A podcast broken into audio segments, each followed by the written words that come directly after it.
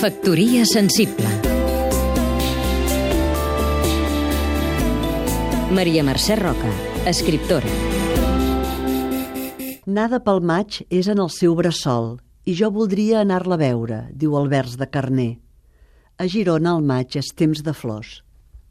La mostra, que té un origen molt humil, s'ha convertit en una gran exposició internacional i ve gent d'arreu per veure les flors, però també els monuments decorats, els patis desconeguts, els jardins amagats i quasi secrets, els muntatges més espectaculars i les accions més atrevides.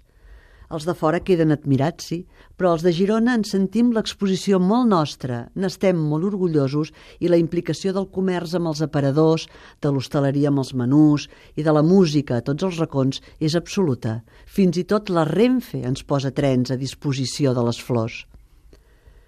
El que a mi em té el cor robat del temps de flors és la voluntat de sumar-s'hi que tenen també els barris més allunyats del centre i del barri vell, els carrers que mai no visita ningú, els locals que no surten a les guies turístiques, les botigues més casolanes.